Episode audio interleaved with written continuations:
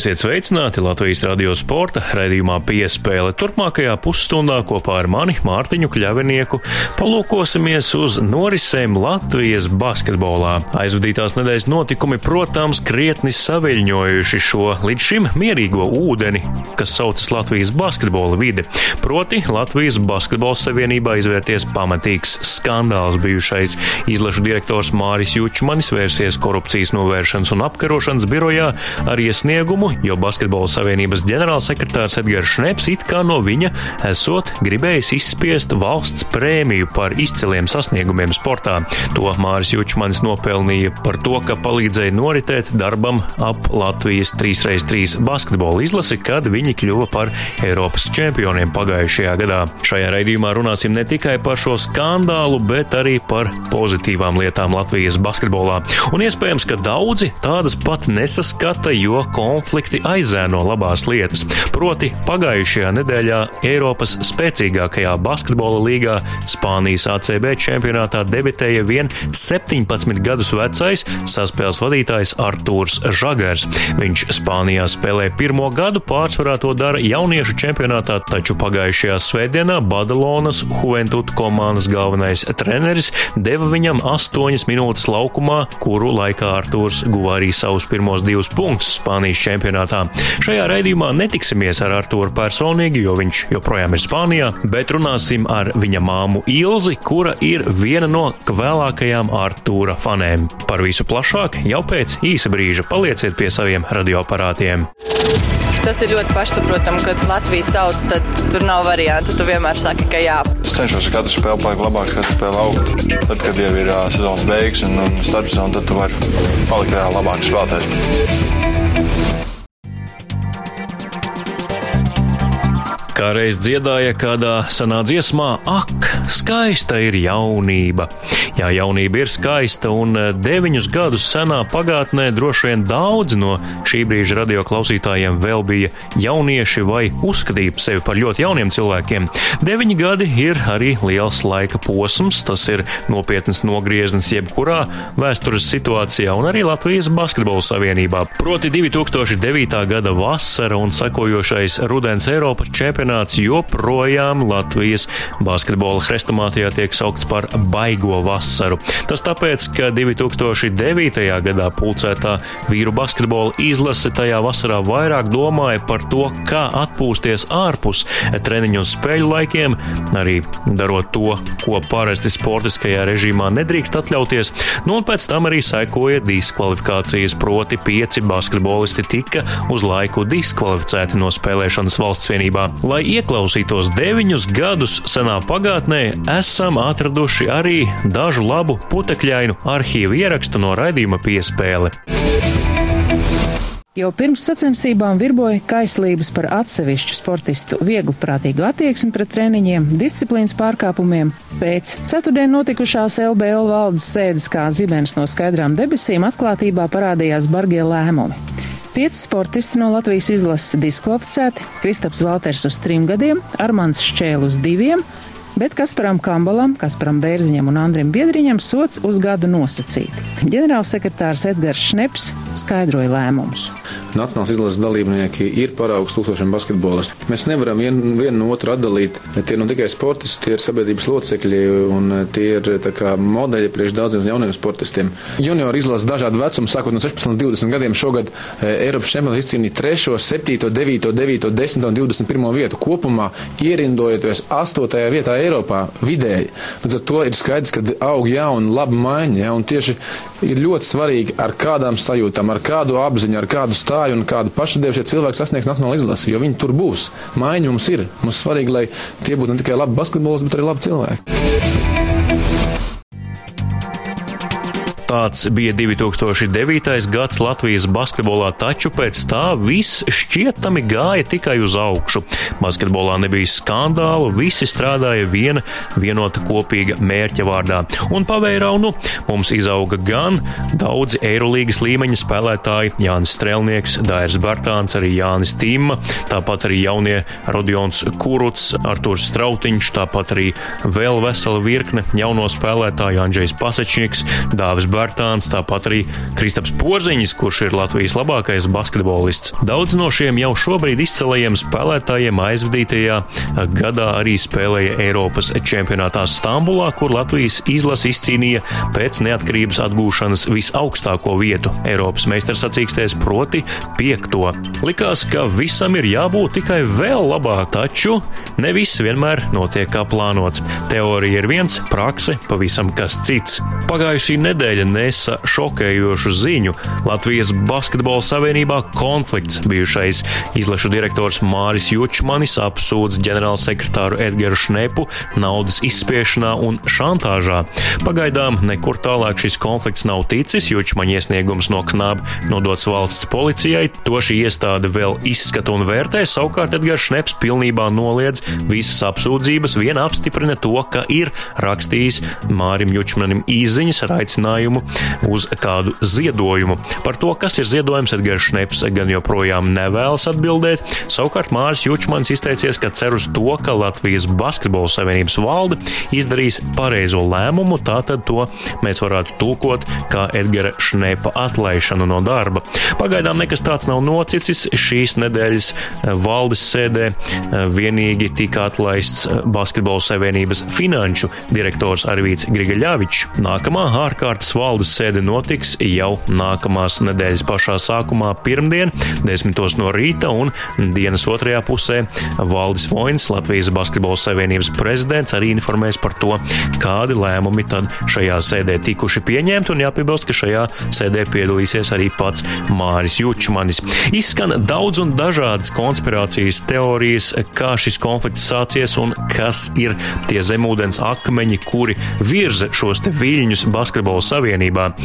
Teorija ir daudz, šobrīd raidījumā nevienu no tām neiztirzāšu, bet domas par to, kā šis konflikts varētu atrisināties un kādu iespaidu atstāt uz Latvijas basketbolu vēl pagaidām dalās, taču basketbolists Kristaps Janičēnoks un bijušais arī Latvijas jauniešu izlases, kurā spēlēja gan Andrzejs Pasečņiks, gan arī Kristaps Porziņš, galvenais treneris Nikolais Mazurs uzskata, ka šis te konflikts nekādā gadījumā nenāks par labu ne Latvijas basketbolam izlešu līmenī, ne arī klubu sacensībām. Kristaps Janičēnoks sarunā ar Latvijas radio, nu, tu kā cilvēks, kurš vienmēr visu saka tieši. Tas, kas Latvijas basketbolā šobrīd notiek, ko tu par to domā? Nu, tas, at, tas atgādina to slaveno baigo vasaru ar, ar, ar tādu ķidāšanu. Nu, es tad ķidāju spēlētājus, un spēlētāji tika nomelnoti, un daudz kas tika varbūt taisnība un netaisnība viņam uzrakstīt. To lai, to, lai atbild tie, kas rakstīja, un tie, kas to darīja. Bet nu, šoreiz es arī gribētu redzēt tādu savu veidu atskaiti tikai par to, kas tur notiek. Jo nu, nu, ir, ir, ir dažādas versijas dzirdētas, nevienai negribās piekrist, kamēr nav galējais verdikts. Es nezinu tiešām, nu, kas tur notiek, kam, kam ir taisnība, kam vairāk, kam mazāk taisnība. Negribu arī neko tur baigi spekulēt, lai arī tur esmu bijis pats iekšā, bet nekādus komentārus es neteikšu, nedošu, bet es vienkārši gaidu gala, gala verdiktu. Pats esi runājis, nu, kaut kā telefoniski, nu, vai personīgi ar kādu? Kaut ko esmu runājis ar, ar, ar, ar, iesaistītām Jā. personām. Nē, nē, nē. nē. Es domāju, ka viņiem ir karsts telefons un mans zvans tur padarīs to tikai vienīgi karstāk. Tas tā kā pats netīri vēl vazāties, tur kaut ko meklēt, kādam, kurš ko ir nolicis, atņēmis, kurš ko, ko teicis, kurš kam ko rakstīs. Man pēc tam pilnīgi nav nekādas darīšanas, man īstenībā neinteresē, kā tas viss beigsies. Jo tā ir to cilvēku tās struktūras tur, uh, problēma, lai viņi viņu risina, nu, kā viņi grib. Publiski slēgti, vēl kaut kā. Nu, es domāju, ka tas vienkārši ir apkaunojoši visam basketbolam, kā tādam kopumā, ka mēs nevaram tādas lietas izrunāt ģērbtuvē un nestāstīt pārējiem, ko mēs darām ģērbtuvē. Tā ir iekšējā lieta. Nu, atrisiniet viņu kaut kā, kāpēc tas viss tāds. Mēs jau sev padarām nevis pat uh, savu cilvēku acīs kaut kādus nevarīgus, bet uh, es domāju, ka arī uz, uz ārā tas nāk. Citās valstīs nu, tas Tas ir, tas ir mums pašiem slikts pjārs palielinājums. Neveiksmīgs pjārs gājiens ir vienkārši noved līdz. Eh, bet tas jau bija Latvijā. Es jau domāju, ka mēs paši jau to arī eh, ko izdarījām, to arī, to arī mm, saka, sabojājām vai noslīcinājām visu to, visu to labo. Nu, kaut, vai, kaut vai uz VF tāpat jau, kad mēs spēlējām Eiropausā, tur kad bija Zavātskas, Bertāns un uh, Kristos Bērziņš un tā komanda. Nu, tāpat Rolands bija tāpat 5000 skatītāju uz, uz spēlēm nāca. Nu, jautājums ir, es domāju, mm, gan jau kaut kur citur slēpjas, kāpēc viņi iet projām. Vai, vai, vai, vai, tieši, vai tieši basketbola spēles kvalitāte tagad mums ir zudusi. Nu, teiksim, BFM, jā. Vai kaut kāda cita apstākļa. Es domāju, ka basketbola spēles kvalitāte skaidrs, ka cilvēks, cilvēkiem jāsaprot, ka nu, nevar savākt tādu budžetu, kāds tad bija tajā laikā. Tas ir normāli, bet cilvēki, kas mīl basketbolu, viņi tāpat nāktu. Bet gan jau ir kaut kādas citas lietas, kuras viņus aptur nu, lai no tā, lai nāktu. Varbūt nav tā atmosfēra zālē vai nezinu, nu, piemēram, ja tā salīdzina, nu, mums ir pirms katras spēles kaut kāds šovs. Kaut kādi konkursi, tur viss kaut kas tāds, nu, tas pie lielām ir daudzās vietās. Nu, šeit ir tāds, tādi noteikumi, tādi resursi. Viņi to produktu veido, kā viņi var. Un, attiecīgi, arī laikam tagad ir rezultāts. Nu. To, kā šis konflikts atrisināsies, to mēs varam pagaidām tikai gaidīt. Tātad pirmais atskaites punkts būs jau pirmdiena, kad nākamā ārkārtas valdes sēde, un pēc tam arī, protams, tas, kā veiksies ar valsts policijas izmeklēšanu šajā lietā. Gaidīsim, kā šis konflikts atrisināsies, bet eh, raidījuma turpinājumā par pozitīvām lietām Latvijas basketbolā pēc labi nobrauktiem mačiem un tieši no radio un no radiosporta raidījumiem tie ir tie pirmie cilvēki, kurus ar maniem runā. Varbūt es esmu sākus arī sevi kā basketbolistu novērtēt vairāk.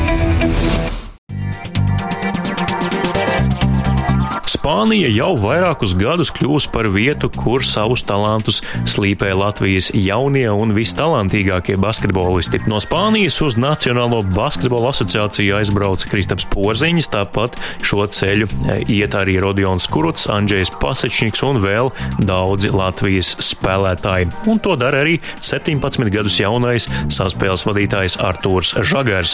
Dzimis 2000. gadā ir Daugavas sporta nama basketbola skolas audzēknis un tikai pirms šīs sezonas izlēmis doties uz Spāniju, lai labāk apgūtu basketbola prasmes. Pagājusī svētdiena nesa patīkamu satraukumu gan pašam Artūram, gan arī viņa vecākiem ģimenei un atbalstītājiem. Proti, 17 gadu vecumā viņš debitēja Eiropas spēcīgākajā basketbola čempionātā Spānijas ACB līgā Badalonas Juventud sastāvā. Astoņu minūšu laikā Artūram divi gūti punkti un tie gūti skaistā caurgājienā gājienā. Viena no Artūra vēlākajām līdzjutējām un atbalstītājām ikdienā ir viņa māma Ilze Žagari. Saruna ar Artūra Žagara māmu Ilzi raidījuma turpinājumā. Latvijas radio sporta raidījums piespēle ir atbraucis uz uh, skaistumkopšanas salonu. Tā to var dēvēt. Nu, neparasti, katrā ziņā vide ir neparasta, bet uh, temats gan ir uh, ierastais sports un šoreiz basketbols, jo 17 gadus vecais Artūrs Žagars ir debitējis Eiropas spēcīgākajā basketbola līgā. Pavisam nesen tas notika, un ar viņu māmu Ilzi mēs tiekamies tad arī šajā skaistumkopšanas salonā, kas ir viņas ikdienas darba vieta. Sveiki, Ilzi! Labdien! Artūrs debija ACB līga notikumi vēl svaigā atmiņā. Kā jūs to šobrīd ar šodienas acīm atceraties, to pavisam neseno notikumu? Nu, pārsteigums, protams, bija uh, milzīgs un, un tiešām negaidīts ļoti, jo tēvs, paldies Dievam, bija, kā saka, uz vietas tajā visā. Nu, brīdis bija nepārspējams. Ja nebūtu pieņemsim, nu, šīs tehnoloģijas, kas, teiksim, atsūta to rullīti, neredzot to, ka trīt rokas, ja, un ka parunāt tiešām nevar, kas svīst ceļi un, un, un, un, un elkoņi un viss pārējais. Nu, prieks milzīgs. Man tieši tajā dienā bija vēl jābrauc uz teātri izrādi, un, protams, braucot līdz teātrim, doma vispār nav ne par teātri, ne par ko tikai sarakstīties ar Arthuru un tēti un, un, un kā un viņš jutās. Un, un redzēt to mazo rullīti tūkstoš reizes, ja, fantastiski, vienkārši fantastiski. Nu, Arthurs pats tajā pirmajā intervijā pēc šīs debijas uh, Latvijas medijiem tieši sporta centram izteicās, ka nu, noteipojās un gāja laukumā, ka īsti nebija laika pārāk satraukties, bet skaidrs, ka rokas trīcēja. Un ka tēvs bija pārsteigts redzot, ka viņš iznāca iesildīties šortos, nevis uh, garajās biksēs, lai sēdētu tikai uz soliņa. Jā, tā bija bija. Nu, tēcis, es domāju, arī bija priecīgs, ka varēja tikt uz to lielo spēli ar tiem daudziem skatītājiem. Un mazā īziņā tika uzrakstīts, ka jā, kad viņš ir šortos un viņš sildās ar visiem pārējiem, nu tad gaidījām. Un pēc tam mentās reizes, protams, Bestfords sportā, nu, kārtējo reizi kā paskatījām, atkārtojam to spēli ar tiem tuplāniņiem, ar tiem visiem žestiem, ar visu to mīmiku un ar visiem tiem brīžiem, ar komandas kontaktiņu, ko un kā. Un, un lieliski vienkārši, vienkārši lieliski. Nu, lielāku dāvanu šajā gadā, un viņam uz 18, viņam, es domāju, nu, nevarētu vairs vēlēties. Kāda bija tā jūsu pirmā saruna pēc spēles ar dēlu? Runājot ar viņu pa telefonu, es sapratu, ka viņš visu laiku smaida. Jautāju, vai viņam nesāp vajag kauli jau no smaidīšanas. Un, un viņš bija pārlēmīgs, priecīgs, protams, dikti. Un, un ļoti žēl, ka nevarēja ar viņu to dzīvo kontaktu, kā saka, samīļot un, un riktīgi saspiest un pateikt, ka jā, kad sapņi piepildās. Kā, un, un, jo es vienmēr esmu teikusi, principā, to, ka, ja tu dzīvē dari to, kas tev patīk, un, un ja tu dzīvē dzīvo ar sirsniņu, ar prātu palīdzi, es domāju, ka tā ir svētība. Ir fēni, ka tu redz, ka tas bērniņš iet, iet no mazotnes un sapņo raksta mazos 1, 2, 3 klasēs atcerējums par to, ka viņš būs profesionāls basketbolists, ka viņš būs un raksta ar saviem mazajiem pirmiem burtiņiem. Tagad, nu, tā, tā kā Arthurs Alležs ir uzskatīts par perspektīvu, talantīgu. Kad jūs viņā ieraudzījāt, ka viņam ir talants spēlēt basketbolu?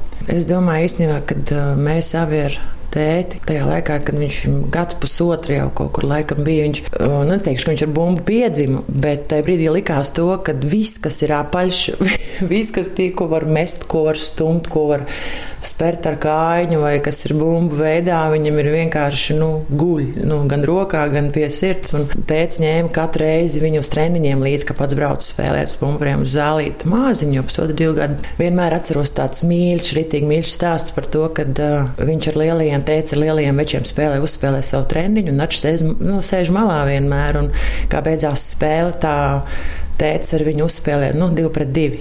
Nu, tēvs man stāstīs to situāciju, kad uh, viņš vienmēr tā kā atļauj nu, ar vienu punktu vinnēt viņu. Un vienreiz Arčuks pateica nu, savas domas viņam par to, ka kā Es taču esmu labākais. Kāpēc man nelaiž uz laukumu? Nu, tā kā ar lielajiem onkuļiem spēlēt. Nu, paiet laiks un lūdzu. Sāpīgi piepildās un vēlams ir īsti.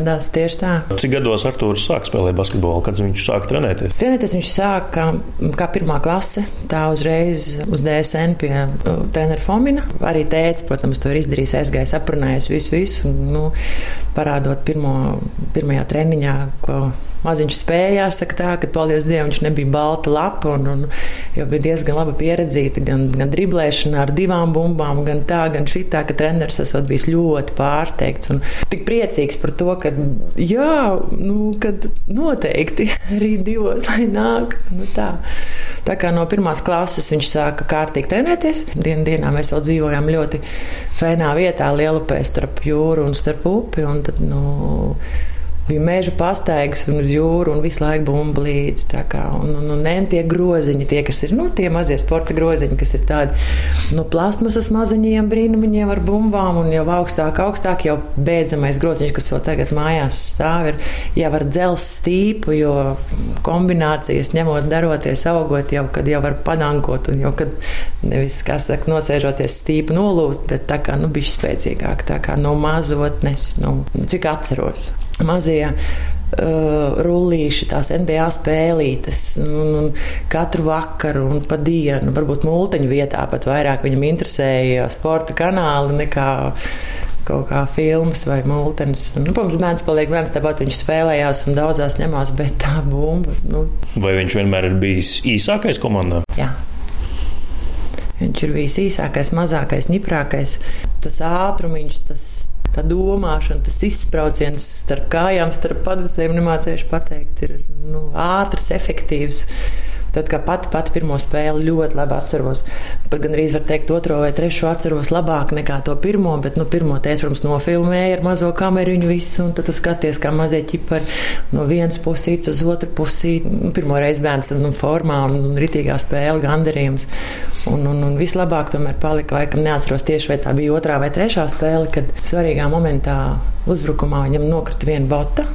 Un tā bota palika malā. Viņš ar to vienu kāju, ar vienu botu arī izpildīja savu uzbrukumu. Ar to mērķu un ar to, to cītību izdarīja to, kas ir līdz galam. Kad nāca apziņa, ka tas varētu nebūt tikai tāds nu, labs, labs brīvā laika pavadīšanas veids un uh, arī fiziskās formas uzturēšana, bet ka viņš varētu arī ar to dienās naudu pelnīt. Bija tā, ka ļoti labas atsauksmes par viņu bija, ka teica, ka jā, ka malacīts arī, arī varbūt mazs augumā, bet tomēr, kā saka, perspektīvas un, un ir talantiņš un, un ir veiksmīte un, un, un patīk, un ļoti patīk tas, ko dara un ar to visu pilnu atdevi un, un kreņķis par kaut kādu katru neizdevušos mirkli, nespēli, bet mirkli bija daudz, man liekas, lielāks nekā par zaudēto visu nu, komandas kopā. Un bija jau tāds vairāk, es domāju, ka tā varētu būt kaut kāda 4. 5. klase.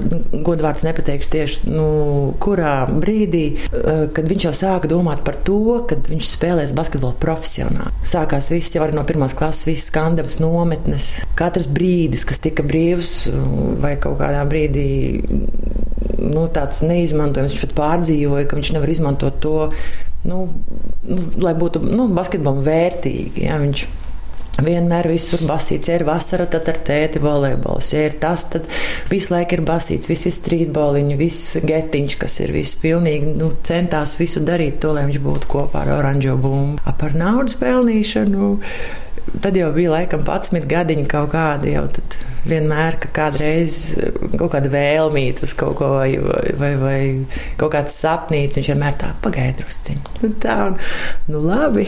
Un pirms šīs sezonas uh, bija ģimenei droši vien arī jāpieņem pietiekami nozīmīgs lēmums uh, par Artūra karjeras attīstību ļāvāt viņam doties uz Spāniju, kā tas viss notika un kāda bija tā, tā ģimenes vasara, tie, tā, tas lielais lēmumu pieņemšanas brīdis. Agrs pavasars. Doma jau par to bija, jo viņš bija iepriekšējā gadā mm, rudenī aizbraucis atrādīties, jau uzspēlēt ar viņiem kopā ar to komandiņu. Un atbraucot atpakaļ, jau teica, ka, nu, jā, kad viņi gribot viņu tur redzēt. Nu, man, pieņemsim, ir tā, man galvenais, lai viņš ir paēdis, lai viņam viss ir labi un, un teiksim, viņa paša vēlmes, jo es vienmēr viņam tās vēlmes esmu atbalstījusi, vienmēr jūtus līdzi un, un, un, un vienmēr, nezinu, pat tādu frāzi pateicu, ka, ja arī tu man dejotu baletā, es tev gan legingus šūtu, gan darītu visu, galvenais dari, ko tu vēlies, un ar savu, kā saka, vēlmi un tikai, nu, tīrs atbalsts. Un, Un tā, zin, kā liekas, ka, jā, jā, nu, brauks, jā, forši, labi, super, un, un skoliņa, un, un viss, un tā, un pavasars, vasaras sākums, liekas, nu, vēl tālu un ka pienāca tas brīdis, jo mēs dzīvojām ar to, kad, kad jā, un arī Čarbats bija priecīgs un teica, nu, kad būs neapzinoties to, kad būs ļoti grūti, nezinot valodu, kad būs ļoti grūti, tā kā viņš pats teica, saprast uz to, kas ir tālmācība, tā kā pienāca tas brīdis, tā lidosta un tās atvadas bija tādas, kad, ka pierasts ir, ka viņš visu laiku kaut kur ir prom. Bet viņš ir prom uz desmit dienām, un tad viņš ir atpakaļ un atkal mums ir dzīvais kontakts. Kad tu viņu pavadi un saproti to, ka viņš būs uz ilgāku laiku projām, nu, bija grūti. Pateikt, žodīgi ļoti grūti, bet, nu, paldies Dievam, var sazvanīties, var, var apskatīties viens uz otru, var, var, var pamāt, nu, vienalga ko, bet, nu, trūka tas dzīvais kontakts ļoti. Nu, sākums bija gan tētim, gan, gan, gan man, gan pašam Arčam, nu, varētu teikt, tā saudabīgs, tāpēc, ka trūks tās rīta taisīšanās uz skolu, trūks tās mazās lietiņas, ar ko ko tu dzīvoji, lai kopā, zin kā. Un, un, un, bet Tārčs Malets vienmēr sazvanoties, viņš praktiski zinot, ka es jūtīgs cilvēks tāds, ka viņš nekad neizrādīja to, ka, nu, vajag čāvīgi. Māma zina, ka es arī mēģināju vienmēr smaikt līdz ausīm, tā, ka viss labi, bet balss strīds. Nu, tad lēnām, lēnām, nu, līdz Ziemassvētkiem, kamēr viņš atbrauca, nu, kaut arī tie trīs mēneši, augusts, septembris, oktobris, novembris. Es novembrī pie viņa aizbraucu, protams, uz, nu, uz nedēļiņu, un tam man bija restarts nenormāls, un fantastisks un burvīgs. Un dabūju to restartu un braucu tālāk, bet jau bija priecīgāks, jo tomēr valodu viņa bija iemācījies pats un, un, un ar skolotājiem, treniņiem, un uz skolu bija aizgājis ļoti labi. Un, un es domāju, viņam vienmēr ir bijusi beigā motivācija uz to visu, tāpēc gan mācības, gan sportiņš, un ja viņš kaut ko dara, viņš dara ar nenormālu atdevi. Man tāds salīdzinājums ļoti patīk, ļoti daudz, ko no viņa mācos arī nu, šobrīd. Es braucu ļoti daudz pie līgavām. Es par cik esmu matu meistars, es taisu līgavām frizūras un visu pārējo un tā, un palaižu viņas skaistajā brīdī. Un 20 gadu garumā es visu laiku pārdzīvoju par katru to līgavu, pie kā aizbraukšu. Un tad vienmēr viņš man jau redz, kad atkal nervozitāte. Viņš saka, māmiņa, ja tu krenķējies, tad tā ir attieksme. Nu, līdz ar to vienmēr tā, jā, labas lietas uh, var pateikt, varbūt skarbāk, varbūt ir vērts ieklausīties.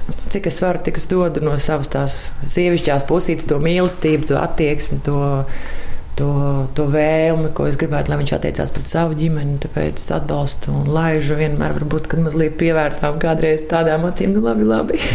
redz, arī vecāki kaut ko var mācīties no saviem bērniem, nevis tikai otrādi. Jā, noteikti. Tēvs vienmēr teica Arčam, ka viņš pats arī kapitāli spēlēs basīti un, un, un, un nebija tādas iespējas kļūt tālāk, ja, bet kā viņš vienmēr saka, super, ka Arčs piepilda praktiski to, ko es, par ko es vienmēr esmu sapņojis, un tā ir bauda. Par to dzīvi Spānijā, nu, jūs jau minējāt um, ārpus ieraksta, um, ka arī tētim atgriežoties Latvijā bija tas nu, pēdējās nepatīkamais pārsteigums, ka šeit nav sauli un, un, uh, un siltums kā Spānijā, bet uh, tā dzīvošana patstāvīgi Arthūram bija tā, ka mamma aizbrauc un tad sāka mazgāt drēbes, sāka taisīt ēst. Vai viņš jau bija adaptējies tam visam un māca to vispār darīt? Vienīgais, laikam, tas tiešām arī man to beidzot sagādāja prieku tā ēst gatavošana. Ja, kad, nu, kad arī viņš saka, tā zupa vai tā kotleta vai, vai vienalga, kas tā ir, nu, mājas smarža, pieņemsim, vai mājas garša vai sajūta tāda, ka, nu, tev gatavo un tad, nu, smaržo tā kā mājās. Bet, nu,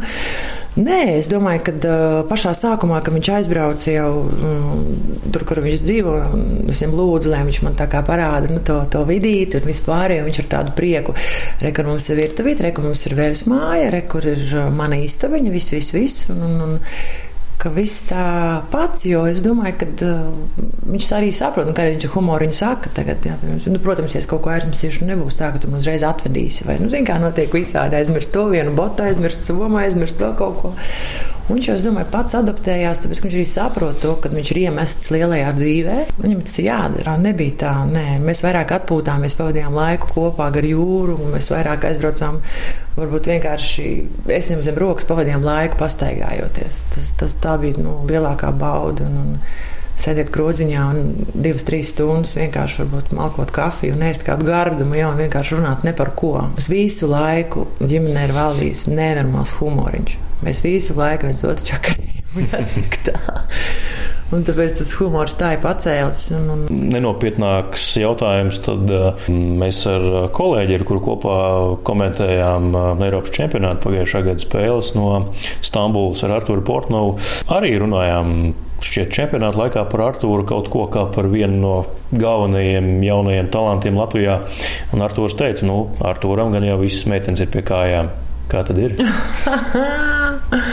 nu, īstenībā. Komandas līderis izskatīgs, jauns. Zini, īstenībā viņš tā, viņš tā paklusē par to. Daudz reizes ir atbildējis, ka viņam šobrīd nav laika tam. Noteikti ir draudzenes, ir. ir ir simpātijas. Nu, es ceru, ka baigi nesalūzīs viņam tās iet, kaut gan gan jau, ka varbūt salūzīs, cerams, ka nē. Bet māma droši vien gribētu vedēklu Latviju, nevis Spāniet, vai ne? Zini, es tev teikšu tā, ka uh, varbūt, kad jā, kad, protams, ka Latvija, bet ja arī būs Spāniet, nu, smuki mazbērni būs. Es jau būšu, man liekas, mierīgākā vīrmā pasaulē, tas ir viennozīmīgi. Un tagad es atceros, ka es staigāju mm, stāvoklī, man bija viena ļoti skaista bilde, uz ko es laiku lūgojos, un es ļoti, ļoti vēlējos, lai viņam ir stipra veselība, laba sirds, lai viņš izaug kā krietnes vīrietis un viņam ir skaistas acis. Un tādas, kādas viņam ir acis, tādas kā nu, nevaram atrast nekur, neviens, kā saka, ģimenē. Bet 18 gadi jau pagājuši, un tas ir nenormāli ātri. Ir tāds posms, kā, kad viņš pavisam maziņš līdz tai pirmajai klasē. Tas ir tāds baudāms, kā aug. Tad pilnīgi stāv uz vietas no pirmās līdz kādai klasē, sestē. Tad pamatskola, 7, 8, 9 klase. Jā, nāk pubertāte un jā, tīņu vecums. Jā, kaut kas jau savādāks. Un, vidusskola jau ir lielas. Sarunas nobeigumā atgādināšu, ka runājam ar uh, Ilzi Žagaru. Viņa ir Artur Žagara mamma. Uh, Artur Žagars nesen debitējis Eiropas spēcīgākajā basketbola līgā Spānijā, ACB. Ko jūs dēlam tālāk novēlēt? Nu, pirmie divi punkti šajā līgā ir, nu, laikam jākrāj šo sezonu vēl daži. Jā, es domāju noteikti, ka pirmie divi punkti ir un jā. Ir tie pirmie divi punkti turpmāko garo laiku. Es domāju, viss būs kārtībā. Es jau ar viņam vienmēr novēlu, lai viņam ir veselība, izturība, mīlestība un vienkārši labi un krietni cilvēki apkārt. Viss būs. Un, ja par sportisko, tad droši vien jānovēl, lai viņš nu, kādā tuvākajā pārskatāmā nākotnē paceļ savu vietu tālruni un ierauga ekrānā, ka viņam zvana Arnēs Vecogers, piemēram. O, jā, es domāju, tas būs nākošais vēlējums viņam aiz, aiz mana pirmā karaliskā. Es domāju, noteikti, jā, es domāju, noteikti. Jūs esat spēles vadītājs, mums vajag. Pagaidām ir viens Jānis Strelnieks visaugstākajā līmenī, tā kā gaidam aizvietotāju arī Jānim. Gaidam. Paldies jums par šo sarunu. Paldies, ka tai piekritāt. Paldies, ka izaudzinājāt šādu dēlu, un gan jau viņš izaugs vēl līdz augstākam līmenim priecēs um, basketbolu līdzjutējus ne tikai Latvijā, bet arī citur pasaulē, lai nu kur arī viņš spēlētu. Paldies, Mīļš! Paldies! Sporta raidījums piespēle līdz ar to ir galā. Paldies, ka klausījāties. Mans vārds ir Mārtiņš Kļavinieks. Uz tikšanos jau nākamnedēļ, kad cerams Latvijas Basketbola Savienības skandāls būs pietuvojies tā atrisinājumam.